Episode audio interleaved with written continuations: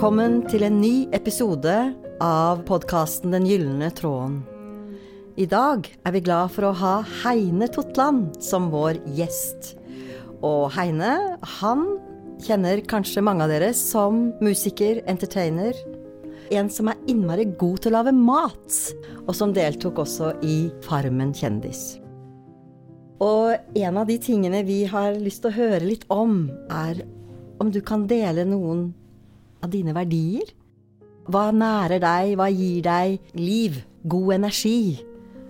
Først og fremst veldig hyggelig å være her, og um, koselig og litt morsom forespørsel. Jeg liker jo veldig godt podkasten heter Den gylne tråden. Og beveger meg inn og ut av, uh, av alt ifra åndelige ting til praktiske ting. I den gråsonen der, da. Musiker, entertainer, ja. Glad i å lage mat. Det er en interesse som oppsto litt etter litt, for at uh, min far er en fantastisk hobbykokk, og spesielt sjømat. Han uh, sto med ryggen til og lagde mat i time ut og time inn, og så hadde vi fantastiske måltid. Så jeg har lært mye av han. Han har inspirert meg til å bli en, en bra hobbykokk. Men jeg liker ikke å stå med ryggen til, så jeg har uh, snudd meg. Gjøre maten mer sånn Matlagingen mer sosial og sosial oppsummerer meg veldig. Jeg, jeg, får veldig mye næring av relasjoner med mennesker. Mm. Det er liksom uh, de tingene jeg lever for, og det er de tingene jeg lever av. Skaper øyeblikk sammen med andre. Så både på scenen og i livet? Absolutt. Veldig sånn relasjonsperson. Jeg er veldig bandmenneske. Utrolig lite konkurransestyrt. Pleier å si at jeg har ikke konkurranseinstinkt. Det er jo noe som nordmenn ser på som et slags handikap. du skal stå på ski, og du skal stå fort, og det, sånn er liksom denne her idrettsnasjonen, da. Jeg bare tar litt sånn barnslig eh, kontrarolle og ser at eh, folk vet alt om Marit Bjørgen, men de vet ingenting om Ibsen og Grieg og Munch. Hallo, skjerpings. De er hakket større enn Kygo. Altså, all ære til, til dagens uh, Bør tenke på den sjøltilliten norsk musikk har i dag, i forhold til hvordan det var f.eks. på 60-70-tallet. Veldig, veldig gøy. Jeg skal gjøre min første liksom, soloforestilling i Bergen til høsten. Da lager jeg et nummer på norsk popmusikk i dag kontra 70-tallet. Det er ganske store forskjeller. Men det var en digresjon. En av mange, kan jeg love. Digresjoner liker vi. Ja, bra. Jeg tenkte, jeg tenkte på en ting når du Du er jo også vår første mannlige gjest i denne podkasten. Jeg syns jo det er litt hyggelig, da. Å få med noen av mitt, uh, mitt kjønn òg. Ja. Så, jeg ligner veldig på mamma, da. Du gjør det, ja, men det ja. får være greit. Seriøst, liksom. Jeg ligner veldig på mamma. Alt, hyggelig, alt du ser av liksom eh, dongeriskjorte, skjegg, muskler Alt har jeg gjort for å kompensere eh, opp igjennom for at jeg er så lik på mamma. Så. Men, men så for en fin ting å si. Dette med de feminine og maskuline kvaliteter kanskje møtes mer. Mm. Også innmari glad for at vi har en mannlig gjest denne gangen. Det er koselig å være den første, og så syns jeg det er kult at dere har hatt kvinnelige gjester hittil. Det derre uh, alfahann-kjøret som har vært i noen tiår nå, altså det fins ikke noe mindre inspirerende enn mennesker som ser på seg sjøl som alfahanna. da er altså men tror du ikke at noen som hører på, sier at ja, når du sier at du ikke har hatt noen ambisjoner og ikke har så mye konkurranseinstinkt, mm. men så har du nådd ganske langt da allikevel. Mm. Tror du ikke noen har tenkt å, da har han vært heldig, da har han hatt flaks, for du må ha konkurranseinstinkt for å komme så langt, eller enten det, da, eller at man har et, et stort talent, da. Innen band- og musikkverden er det kanskje ikke så mye konkurranse, men det er liksom inntrykk av at innen skuespillerverden, der er det mm. litt mer som i sportverden, at ja. det er litt mer konkurranse. Er det riktig, tror du, eller? Altså, det, det, du har noen parameter som måler på en måte eh, suksess. For det er jo det som er liksom gullkalven alle danser rundt i underholdningsbransjen, da. Du vil ha suksess, du vil ha folk som kommer på konsertene, på forestillingene dine. Noen eh, satser på radiospilling, andre skal på TV. sant? Det har aldri vært drivkraften min, eh, det der. Men jeg er et bandmenneske. Når jeg møter folk, så har jeg lyst at vi sammen får det til å svinge. Det er min take på livet, da. Å, det er så fint, for jeg har jo hørt deg fra scenen, og jeg må si du er en glimrende kommunikatør, eller hvis det går an å si sånn. Du får liksom Du har det som jeg tenker på som flow. Altså du virkelig kan få med publikum inn, og det føles som å være i en utrolig god atmosfære å svære. Det, det vil jeg si. Å, så utrolig fint sagt. Tusen takk. Det, det, er, det er, alt jeg ønsker av, av livet som entertainer. Når jeg går på scenen så tar jeg to sekunder eller noe sånt, og så Jeg vet ikke hva programvare jeg har inni hodet mitt, men jeg klarer å skanne energien i rommet på ett sekund, og så treffe på den energien. Det er det jeg ønsker. Og de gangene f.eks. Eh, barna mine ringer meg og sier 'Du, kan du vippse meg?' sånn rett før du skal på scenen, så hender det at jeg har glemt det. Og da må du bruke tid på å tune deg inn igjen. Og det er dyrebare minutter for meg, altså. Det er liksom å prøve liksom å treffe Treffe eh, energien i rommet. Sant? Og, og noen situasjoner er veldig eh, lada eh, feststemning, veldig forventning, mens andre situasjoner Ta en begravelse, da. Der på en måte musikken har enda større verdi, enda større kraft. Eh, du må være på bølgelengde med, med rommet, da. Og med musikerne dine. Det, det er, så det er utrolig komplekse ting å være en del av. Sånn som jeg gjør det, da, er at jeg prøver å, å være så audmjuk som jeg kan i, i, forhold til å ha den rollen som jeg får lov til å ha, da. Så de tingene jeg gjør, er veldig Altså, du vet jo ikke når du Det fins ikke noen måte å måle på. Når er en konsert vellykka? Når er en opptreden vellykka? Når har jeg egentlig gjort et ærlig dags arbeid? Jeg vet ikke. Sant? Jeg har jo opplevd deg noen ganger.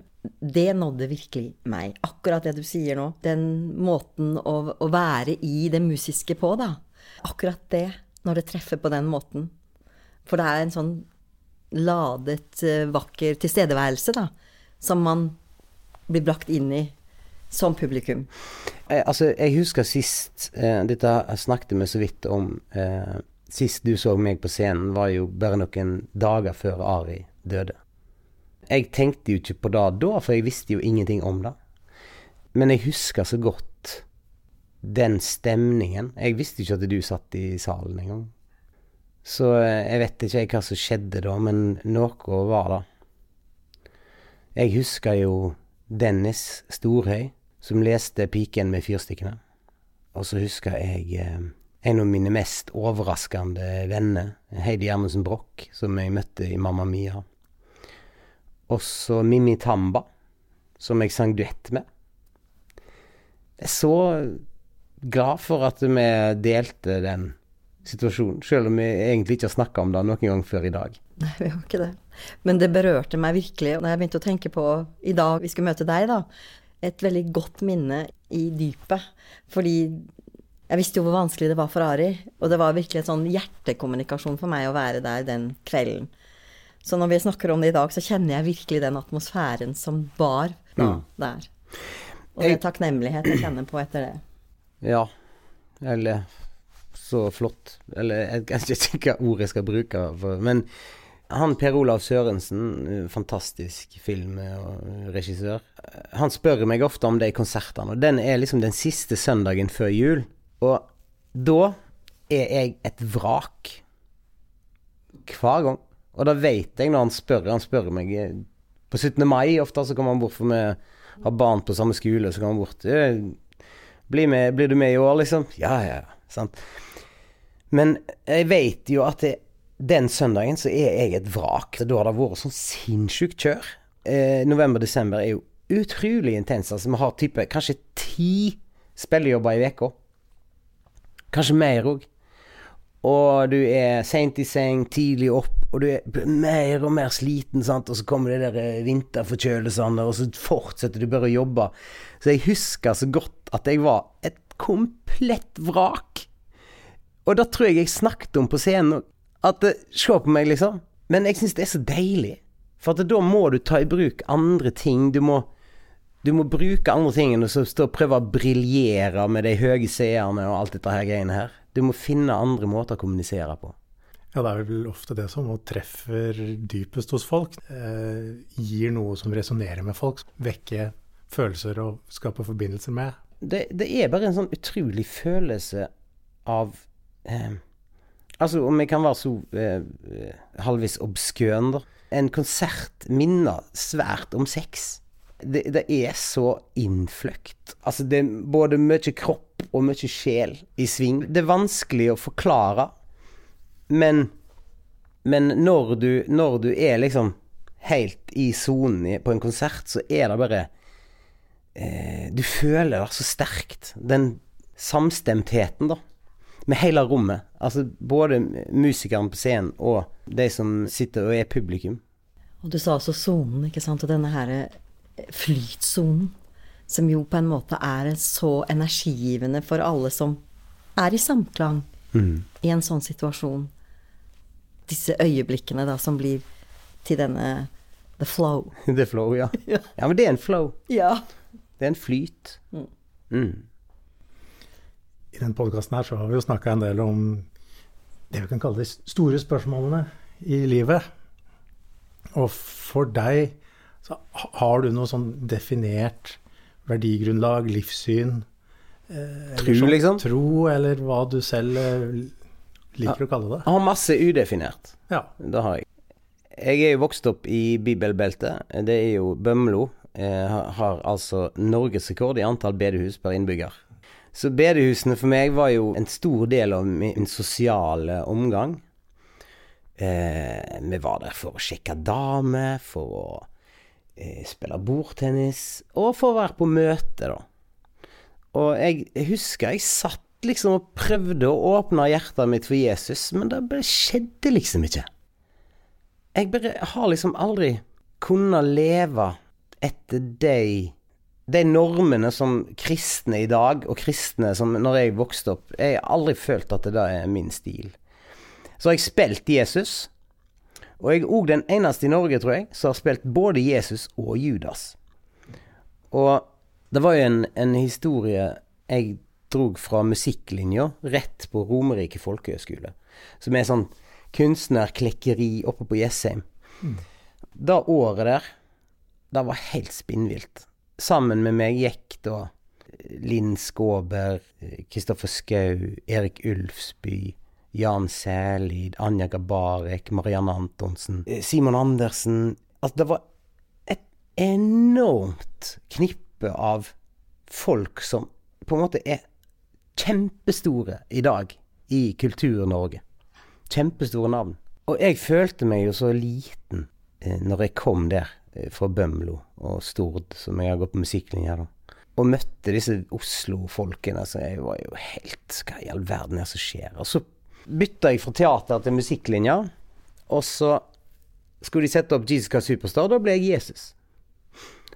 Og så skjønte jeg at det er ikke, er ikke noe som helst tilbake for disse folka her. Eh, og det var en stor Det var et vendepunkt. Samtidig så så begynte vi å, å lage en plan for å sette opp Jesus Christ Superstar i Moster Amfi. Så jeg er fra Bømlo. Og når vi er på mikrogeografi, så er det Moster, ei bygd på Bømlo. Og Totland er en gard på den bygda. Moster er den første plassen i Norge som ble kristna. Sant? Da kom de eh, fra England, og så hadde de engelske flåten etter seg, og så skulle de spre det kristne budskapet. Og da, gikk de land på Moster. Begynte hele den historien. Og der er Norges eldste kirke. Eh, og der har de jo laga Moster Amfi, som er en fantastisk utescene. Med plass til Ja, det har jo vært nesten 3000 mennesker inni der, men da, da er det liksom pakk, pakk, pakk. Men la oss si 1500 sitteplasser, da. Og et stort spe, Mostra-spel, liksom kristning og alt dette her. Og der satte de opp Jesus Superstar. Og når jeg da sang på premieren, Getsemane-scenen, da var jeg ute av uh, Ute av meg sjøl. Da, da var det var en utrolig åndelig opplevelse, altså. Og jeg er jo ikke sånn som blir Jeg driver ikke med musikk for at jeg sjøl skal bli rørt. Jeg ønsker å berøre.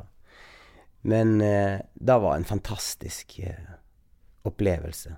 Så Jesus er jo en stor inspirasjon. Så ringte Bentein Bårdsson. Så sa han jeg skal sette opp Jiska Superstar i Fjæreheia. Så sa jeg yes! Jeg er til å spille Jesus.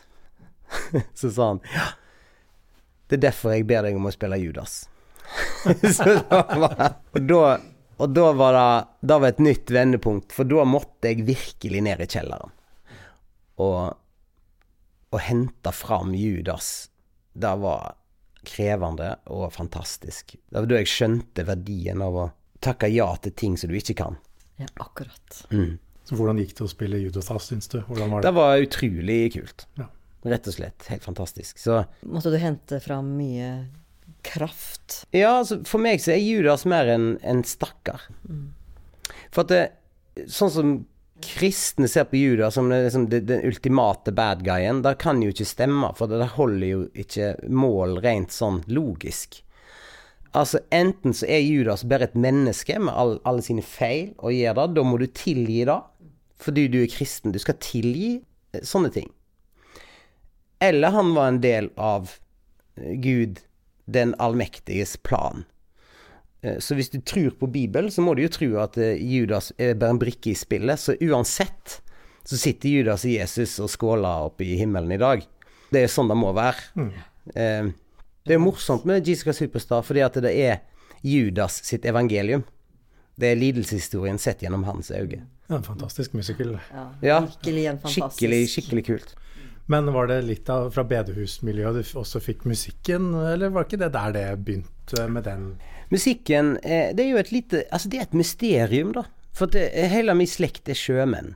Mine forfedre. Og damene var jo mer sånn tradisjonelle eh, kvinneroller opp igjennom. Eh, Helt til mamma kom. eh, Hun var jo sånn klassisk eh, 70-talls rødstrømpe. Mm, Full peis. Feminisme og skriketerapi og alt de drev med på 70-tallet. Pappa, sjømann på langfart, var borte. Altså, jeg, husker jo Jeg husker jo fortsatt at vi ante ikke hvem han var når han kom hjem. Hadde ikke pottepeiling. Hvem er det som sover i senga di, liksom? Men musikken Og pappa spilte jo i band når han var eh, ung. Nå, når han er 75, så spiller de i band igjen, har masse konserter og har det så utrolig gøy. Eh, Alle seks i bandet har eh, forskjellige diagnoser diagnoser. Alt mulig. Så det er en skakkgjeng, men det er fantastisk. Utrolig gøy. Men mamma og pappa hørte veldig mye på, på den der eh, liksom gode musikken fra 60-tallet, da, med, med Beatles og Stones. Eh, og Bruce Springsteen var det mye av. Bob Dylan var det veldig mye av. Og pluss, pluss, pluss. Jeg skjønner ikke hvordan de fikk to sønner. Min bror Finn, som er bare 14 måneder yngre enn meg. Og, og jeg, da, så eh, Mamma jobba i reisebyrå, pappa var sjømann, men han ble redaktør, og jeg ble musiker. Og jeg forstår ikke hvordan det kan ha skjedd, egentlig. Men jeg bare følte at det var en veldig musikkglede. Musikk var liksom en stor del av huset. Stemningen i huset. Plate på full guff. Og fikk den tilliten til å finne vår egen vei.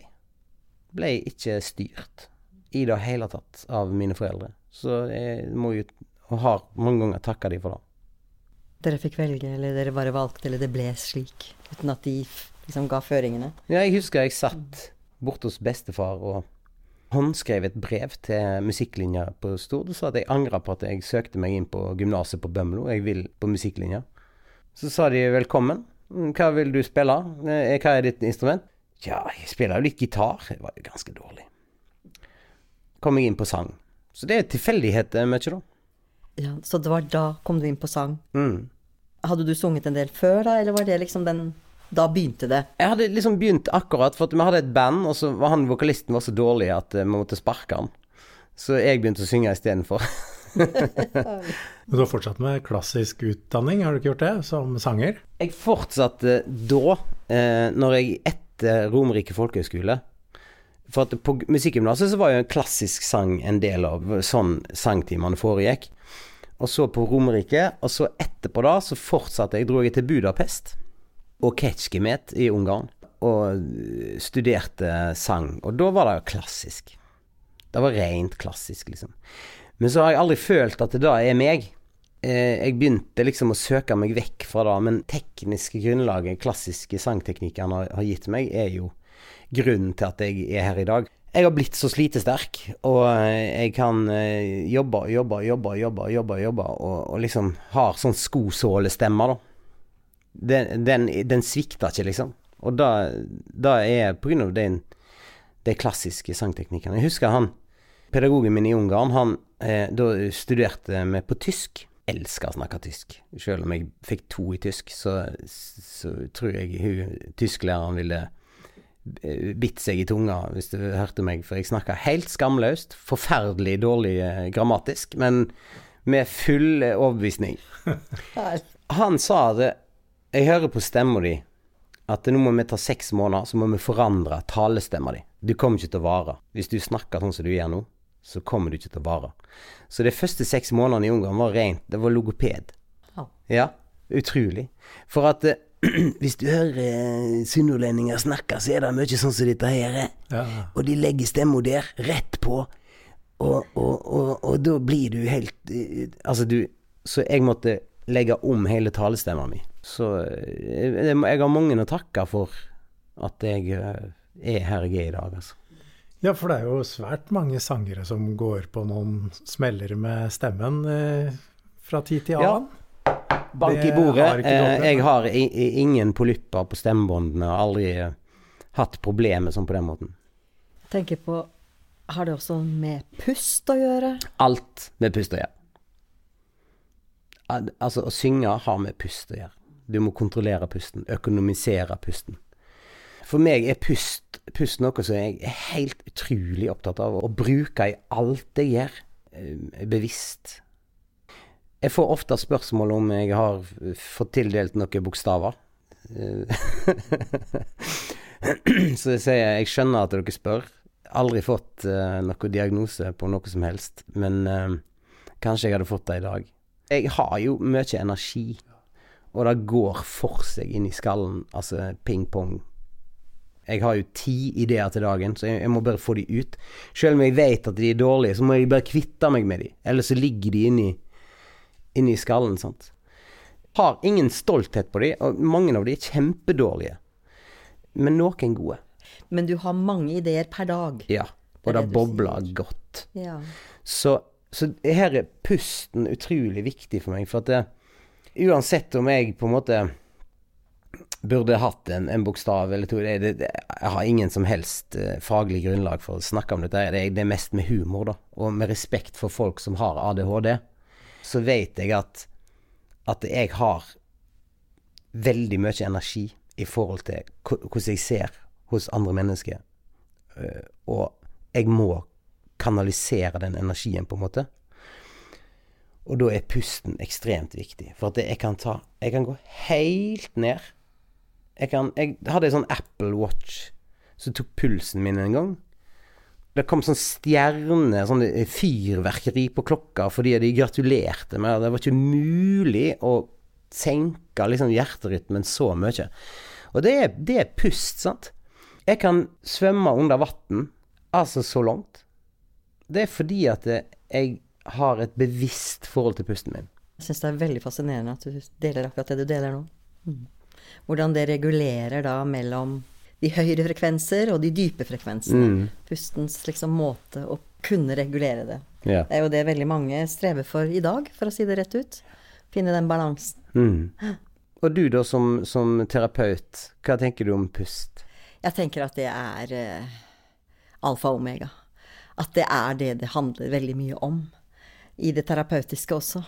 Hos veldig mange så er jo steder i kroppen hvor det er eh, ikke pust, ikke sant? At det har stoppet opp, at det er spenninger. Så at når det kommer i gang igjen, det gjør jo en kjempeforskjell. Og gir en frihet. Men også det å bruke, bruke pusten ja, kommunikativt med seg sjøl, for å si det sånn. Jeg, bruker, jeg gjør noen øvelser hver eneste dag, og kjenner også veldig viktigheten av å regulere pusten.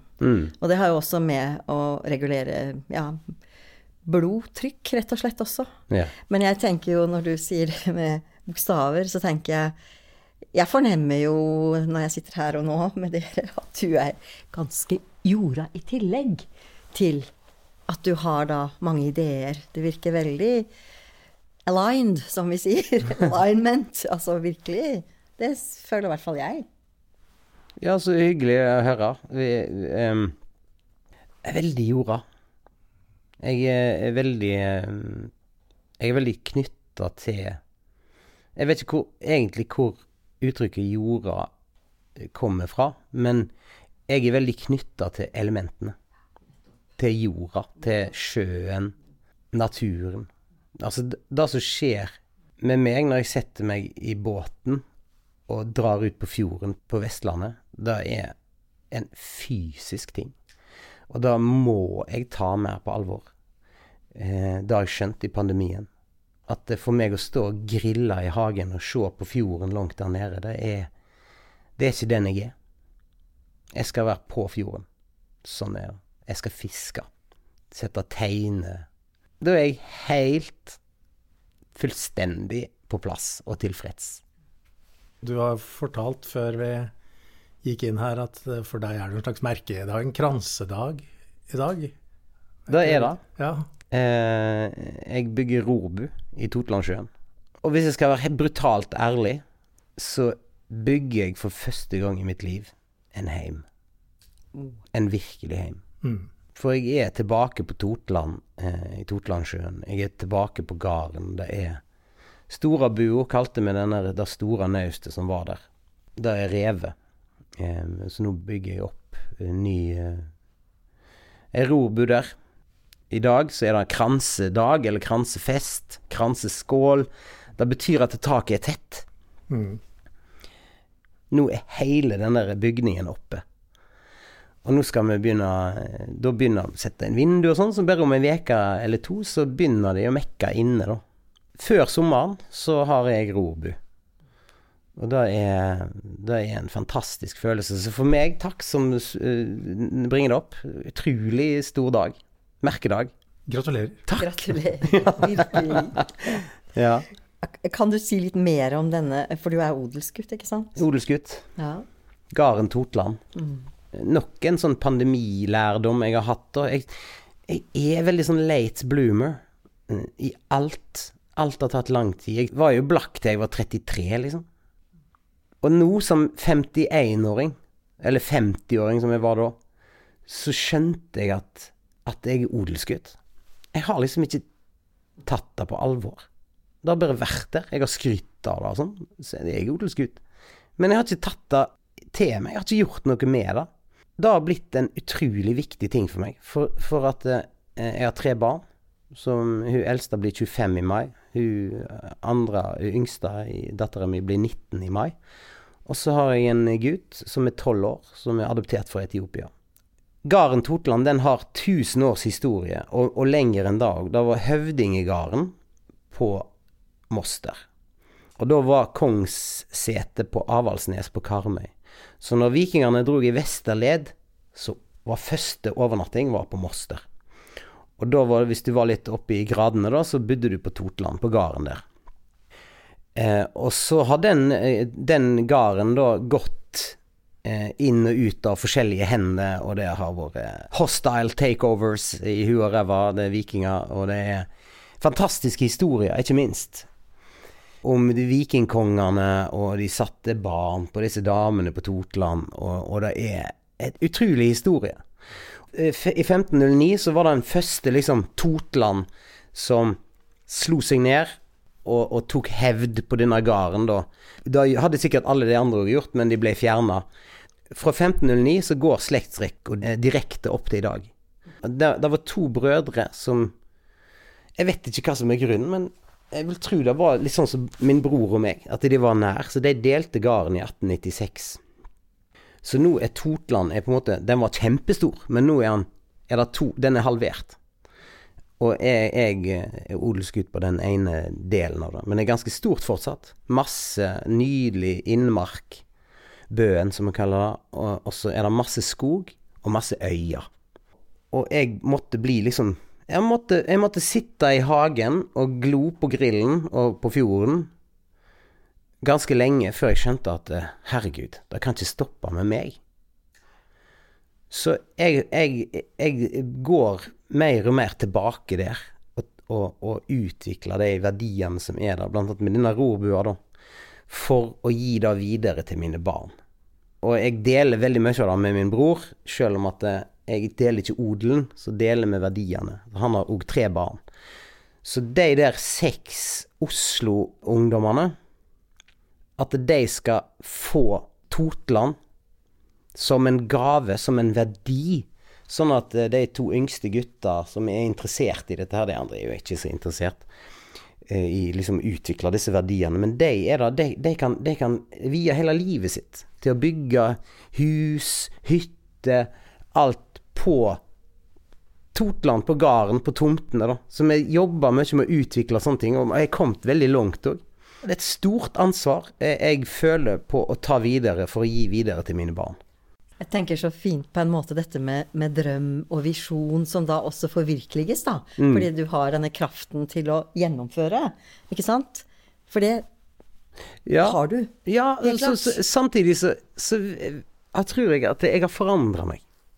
Jeg tror jeg har forandra meg grunnleggende de, de siste årene. Det er masse sånne delpersonligheter som jeg har skrella vekk. Jeg har vært en person som kunne snakka masse og, og, og, aldri fått ut fingeren opp igjennom. Men eh, jeg kan ikke være sånn lenger. Det er vendepunkt. Så, så jeg vet liksom Jeg har ikke noen plan for resten av livet. Jeg bare vet at jeg må være mer på fjorden. Ja. Og utvikle videre da, som du skal eh, gi videre til eh, dine barn? Til mine barn. Ja. Det er utrolig viktig. Føre slekta ja. videre, ja. og gården videre. og du sa jo dette vi sa i sted, dette med jording. ikke sant? Hvor kommer det fra? Altså grounding. altså Det har jo noe med det, røtter, ikke sant? Mm. Og det å ivareta verdier, det å føre verdier videre. Jeg bor jo på eh, Holte, altså på, i Nordstrand bydel, på Ekeberg i Oslo, som er jo en nydelig del av Oslo med Ekebergsletta og Brannfjell, de store skogene midt i byen der.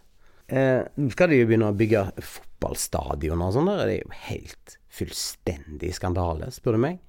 Å vokse opp i det miljøet der, sånn som Norge har blitt, med det verdigrunnlaget som eter seg inn i livene våre, materielle eller en materialisme, da. Vi har blitt et folk som må hyre på en snekker for å henge opp et bilde på veggen. Barna våre som vokser opp med dette her, merker press de luxe, liksom. Så dette med det motsatte, på en måte, da, litt snakket om i sted, dette med å være knyttet til elementene, ikke sant. Mm. Det, ja, det naturlige, rett og slett.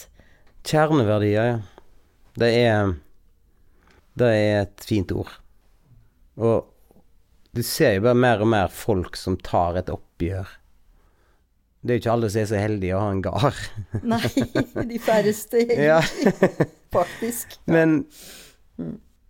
Men det der med liksom å å selge huset sitt og finne på noe annet, leve på en annen måte, det, det er fascinerende.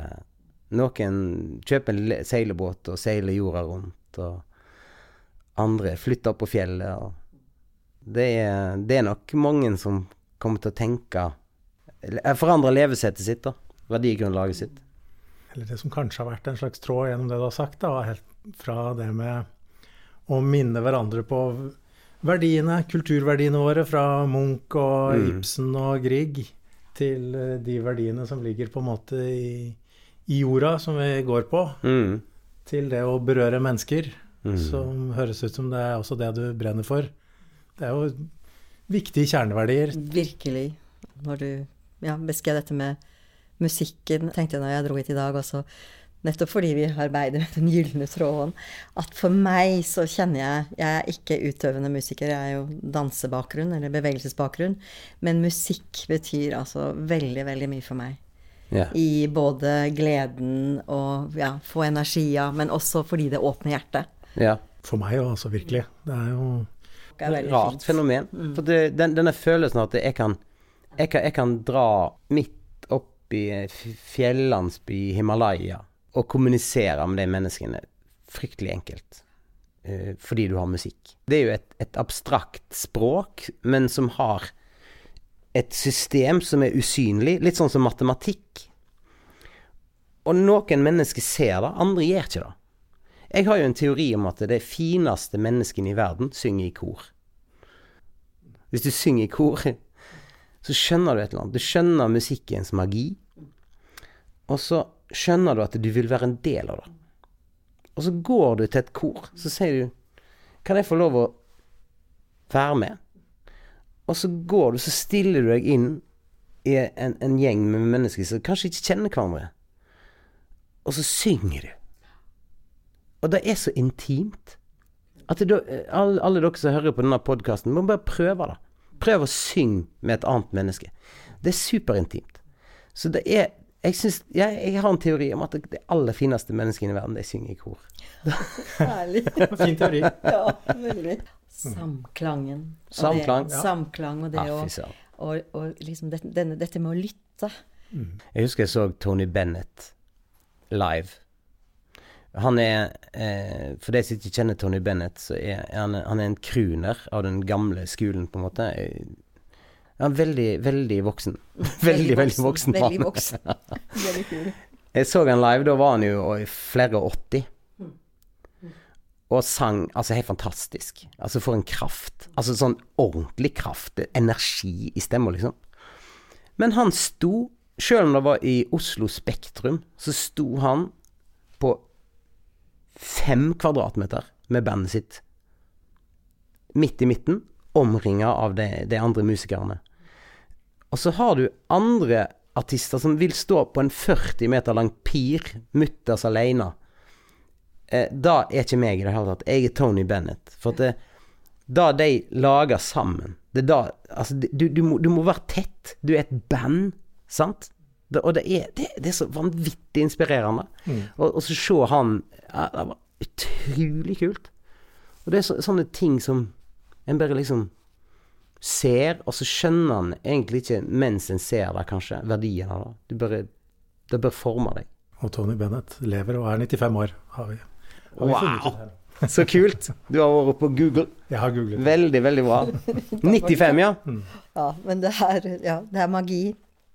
Mm. Ja, det er magi. Mm. Han, eh, han, er jo helt rå. Men eh, det er jo mange som er rå. Og ikke bare i musikken, men i det er jo menneskene du, du møter. Det er jo så mange Det er så mange, mange ting en kan la seg inspirere av og fascinere av. Og. Det er sant. Er det noen andre store artister? Du nevnte de du vokste opp med. De 60-tallsartistene foreldrene dine hørte på. Dylan, Stones og Beatles. Men altså, for deg, hvem har vært de store og viktige? Ja, altså hvis jeg skal snakke liksom om, om vendepunkter som er blitt nevnt noen ganger her Jeg spilte Mamma Mia eh, ett år på Folketeatret i Oslo. Den første Når Folketeatret, den, altså den gamle operaen, eh, ble jo flytta til den nye operaen, og så ble det Folketeatret. Den første forestillingen på Folketeatret var Mamma Mia, og der spilte jeg eh, homofile Harry. Det var fantastisk. Veldig gøy. I ett år. Året etterpå så fikk jeg tilbud om å, å, å gjøre roller som Buddy Holly i musikalen om Buddy Holly. Og han var idolet til mine idol. Og det var fascinerende, for det, da fikk jeg liksom gå inn i hans karakter og skjønte hvorfor han var idolet til, til mine idol. Og her snakker vi om 50-talls rock'n'roll. Og da, da forma meg helt utrolig. For det første, når jeg spilte Buddy Holly, så fikk jeg krøller det var helt sjukt. jeg ble så lik han. Du fikk wow. krøller? Jeg fikk krøller. Ah. Wow. Fysisk. Altså, håret ble likt han. Det er jo helt Helt utrolig spesielt. Så når jeg tok på brillene hans, tok denne Fender Stratocaster-gitaren eh, og, og, og, tok på dressen og, og gikk inn i rollene hans, så, så fikk jeg krøller. Jeg har ikke krøller, men da hadde jeg det halvåret der. Og det var, ja, utrolig. Så og den dag i dag så spiller jeg veldig mye rock'n'roll, og, og det er blitt mitt musikalske DNA mer og mer. Så av alle de andre, liksom Jeg kan jo selvfølgelig nevne Bruce Springsteen og Stevie Wonder og Keith Jarrett og, og alt dette her, sant. Fantastiske musikere. Men Buddy Holly og han døde jo som 23-åring. Han hadde bare to år i rampelyset, men skrev så mange sanger at han fikk ikke tid til å gjøre de til hits sjøl engang. Så da ble Beatles og Stones og alle de ble jo skapt av Buddy Holly. Bob Dylan så han nest siste dagen han levde. Sto han fremst og, og så eh, Buddy Holly live. Det er kult. Det er kult. Veldig kult. Mm. Nå vil vi gjerne runde av denne fine stunden sammen med deg, Heine, med en liten eh, øvelse. Og vi har snakket en del om pust, og vi har snakket ja, om klang og resonans og mye, mye mer. Så nå bare sett deg godt til rette. Hvis du kjører bil, så kan du vente med denne øvelsen til du kommer frem. Kan du lukke øynene og vende blikket og oppmerksomheten innover?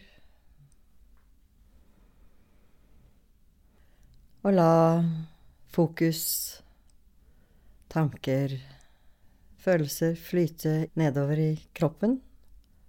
Og ta gjerne kontakt med området rundt hjertet. Og en god måte å få mer kontakt er å legge en av hendene rett og slett over brystkassen. Over hjerteområdet.